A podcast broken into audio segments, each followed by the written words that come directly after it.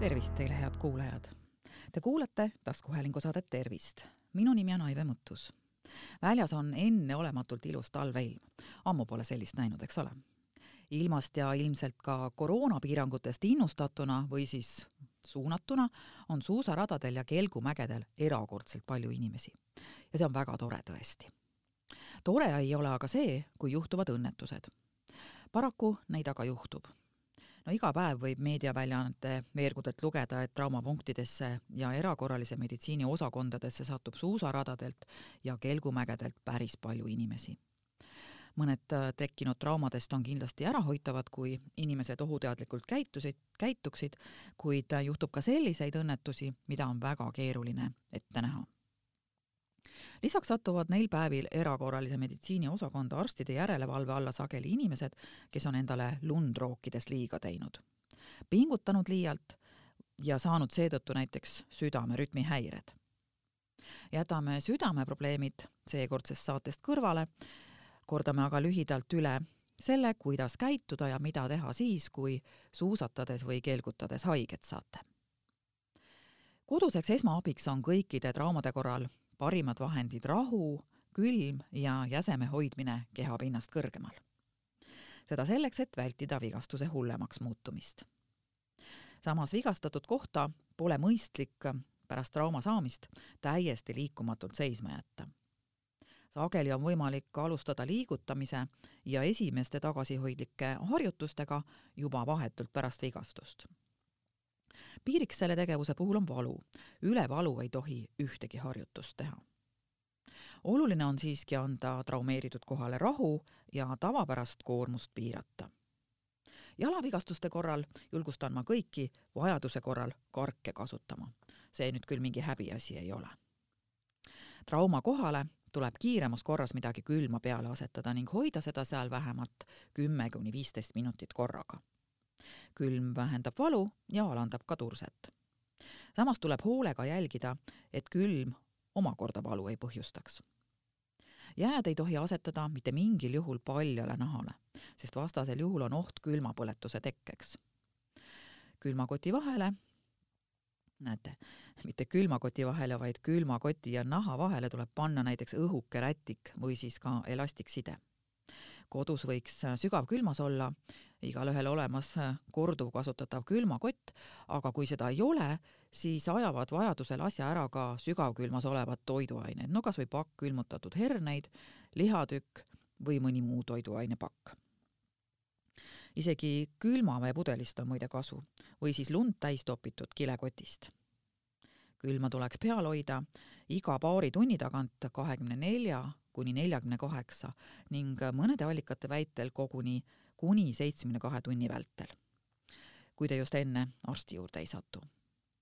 surve tekitamiseks trauma kohale sobib hästi elastikside ja siis ongi nii, et nagu ma enne rääkisin, panete elastiksideme peale ja sinna peale siis külma. sest äh, see aitab ära hoida suurema turse tekke ja kaitseb trauma saanud kohta edasise vigastuse eest. oluline on see aga, et te seoksite elastiksideme vigastatud piirkonna ümber mõistlikult tugevalt, mitte liiga tugevasti. näiteks hüppeliigese korral võite lamada voodis seelili ja asetada jala voodile asetatud padjale ja hoida seda seal ka siis öösel magamise ajal.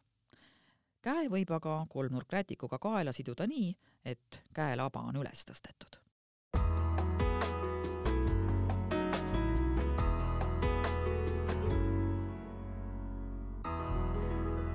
kuidas aga hinnata, kas peaksite kannatanule kutsuma kiirabi, ta omal käel erakorralise meditsiini osakonda viima või traumapunkti või siis üldse pole arstiabi vaja, saate ise hakkama.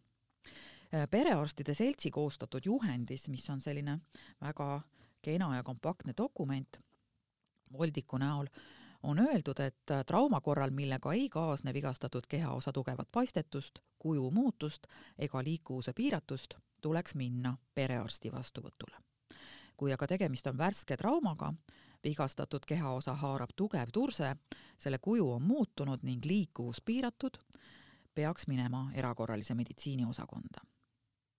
ning äh, otse loomulikult, kui juhtub midagi tõsist, no näiteks inimene ei liigu, tal on raske hingata ja ülisuur valu, siis ei tasu oodata, vaid tuleb kohe telefonil üks, üks, kaks häirekeskusega ühendust võtta. Nõu küsimiseks äh, võite sinna helistada ka siis, kui te kannatanu olukorda hinnata ei oska, et kas see on tõsine või mitte. erakorralise meditsiini osakonda või traumapunkti tuleks minna juhul, siis kui jäse on deformeerunud, kui turse süveneb ja valu suureneb vaatamata valuvaigisti võtmisele. ning olukord ei ole normaalne. Ka siis, kui saate sõrmi ja varbaid liigutada, mingit tundlikkuse häiret vigastatud piirkonnas pole ning hindate kannatanu seisukorra üldiselt stabiilseks. kindlasti tuleb aga EMO-sse ehk siis erakorralise meditsiini osakonda, nii nagu seda lühidalt kutsutakse, pöörduda juhul, kui trauma järel esines teadvuse kaotus trauma saanud inimese orientatsioon ajas ja ruumis on häiritud. kui inimene oksendab, kui esineb jäsemete deformatsioon, kui silmade pupillid on erineva suurusega või kui tegemist on silmavigastusega, kui kannatanu tuleb valu kaelas, kui tegemist on tugeva nina-verejooksuga, mida koduste vahenditega mitte kuidagi peatada ei õnnestu. Kui on trauma tagajärjel tekkinud sügavad haavad, mis veritsevad või kui on hingamisraskused või väga-väga tugev valu. Kui olukord tundub kergem, no näiteks deformatsiooni ei ole jäsemel, te tunnete haiget saanud piirkonda, saate liigutada sõrmi ja varbaid ja need on normaalset värvi, siis pange vigastatud kohale ikka ja jälle külma peale, võtke valuvaigistit ning andke endale veidi rahu ja aega. ja jälgige, millises suunas trauma kulgeb. Kui teie elukoha või trauma tekkimise koha lähedal ei ole traumapunkti ega erakorralise meditsiini osakonda ja te ei tõesti ei tea, mida teha, siis helistage nõu küsimiseks julgelt perearsti nõuandeliinile üks, kaks, kaks, null või ka häirekeskusse telefonil üks, üks, kaks nüüd alati on suureks küsimuseks see, kas võtta valu leevendamiseks valuvaigistit või mitte ütlen kohe otse ära, et valuvaigisti on lubatud ja seda peab võtma. Valu ei pea taluma, aga traumaga käib see alati kaasas. ka arstid ei saa hinnata trauma tõsidust, kui inimene tunneb väga suurt valu ja sellepärast üritavadki tohtrid kõigepealt valu ära võtta ning siis saavad nad paremini hinnata, milline on seisukord vigastatud piirkonnas muidu tekitab iga liigutus valu ja see takistab diagnoosimist valuravi põhimõte on astmeline ja algama peaks mm, see nõrgematest valuvaigistitest. kui vaatamata valuvaigistile on aga valu väga tugev, siis on see oluline info nii teile endale, kannatanule kui arstile, et olukord on tõsine. suuremates haiglates on Äh, olemas triaažisüsteem, kus vastava koolituse saanud meditsiinitöötaja vaatab siis saabunud patsiendi läbi ja hindab olukorda, määrab talle uuringud, annab äh, juhised ja valuvaigistid. Kui triaažiõde hindab, et äh, te ei vaja erakorralist abi, saadetakse teid koju ning vajadusel hiljem perearsti juurde ja see on ju traumahaigele väga hea uudis. järelikult ei ole olukord hull ning teie seisund pole erakorraline hea on teada, et inimese organism on loodud nii, et ta parandab suure osa vigastustest ise. peame lihtsalt looma selleks äh, soodsad tingimused.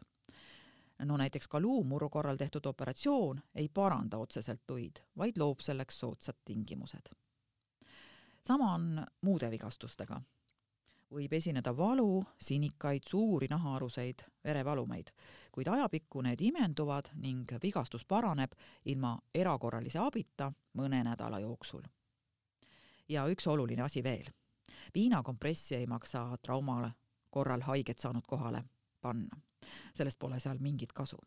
küll aga võite oma nahka kahjustada, kui te viina veega piisavalt ei lahjenda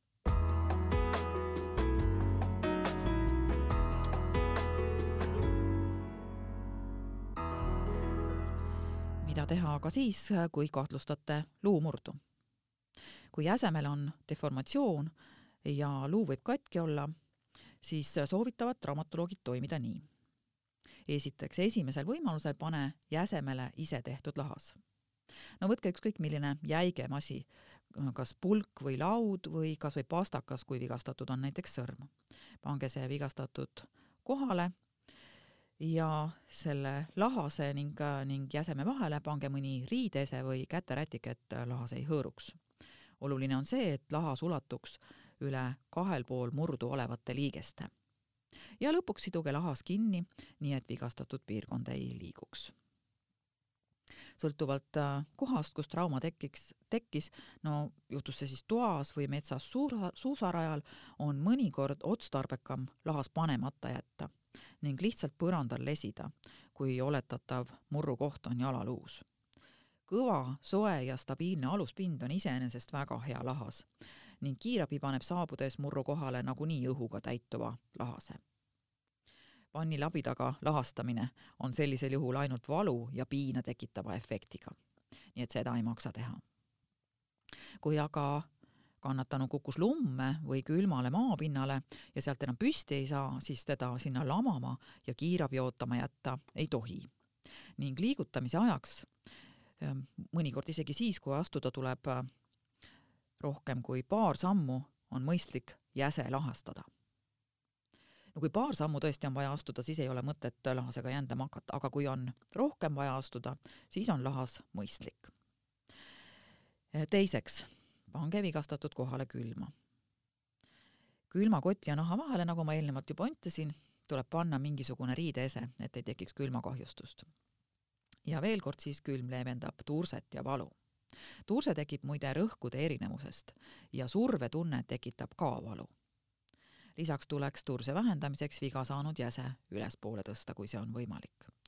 aga eks need soovitused on nagu on, et kui ühelt poolt äh, lugesin just ette, et ärge liigutage jäset ja teiselt poolt ütlen siin, et äh, tõstke vigastada saanud jäse ülespoole, siis äh, eks teil ola-, koha peal tuleb olukorrast lähtuvalt valida siis, mida te teete. nii et ma arvan, et esmaabiks on ikkagi parem see jäse liigutamata jätta ja mitte teda hakata ülespoole tõstma. ning kolmandaks soovitavad traumatoloogid võtta valuvaigistit. kõike seda, millest ma täna rääkisin, teades, on teil suusarajal ja kelgumäel kindlasti turvalisem, sest te oskate õnnetuse korral õigesti käituda ja aidata vajadusel nii ennast kui teisi. soovin teile ohtralt suusarõõmu ja palju kelgulusti ning parajal määral ohutunnet siis jääb nii mõnigi potentsiaalne trauma olemata. head kuulajad, te kuulasite taskuhäälingu saadet Tervist. saate leiate Delfi podcastide pesas tasku, nutirakenduste Spotify, Apple Podcasts, SoundCloud ja teised. hakake jälgijaks ja kuulake just teile sobival ajal ettepanekuid teemade kohta, mida saates käsitleda, ootan teilt e-posti teel aadressil tervist.maaleht.ee. minu nimi on Aive Mõttus olen Maalehe taskuhäälingu saate Tervist toimetaja. tervist teile!